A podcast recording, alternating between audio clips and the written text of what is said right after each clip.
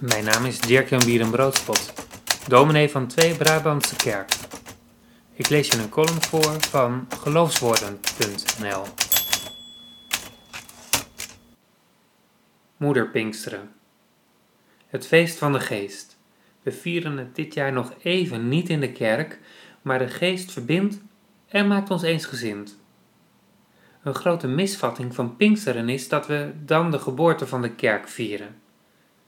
Misschien doen we dat wel, maar de mensen die dat feest zo'n 2000 jaar geleden vierden, waren zich waarschijnlijk van geen kwaad bewust.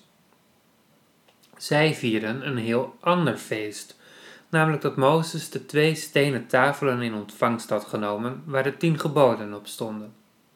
Het was het feest van het eerste thuisonderwijs, zou je kunnen zeggen.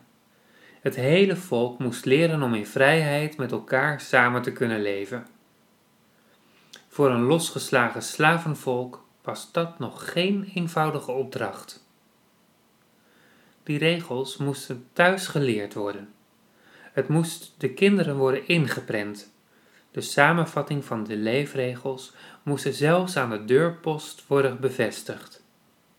Het is de variant van de oudheid die ik nu nog wel eens bij mensen thuis tegenkom. In dit huis luisteren we naar elkaar, schenken we elkaar aandacht hebben we plezier, etc. Ik vermoed dat heel veel moeders de drijvende kracht zijn om ervoor te zorgen dat die regels niet blijven bij een mooie decoratie, maar vooral ook worden nageleefd. Veel van die moeders zullen de afgelopen tijd gedacht hebben dat het er ooit nog wel eens van zal komen, waarschijnlijk als Pasen en Pinksteren op één dag vallen. Al die moeders wens ik toe dat het samenvalt met Moederdag, want het is jullie meer dan gegund.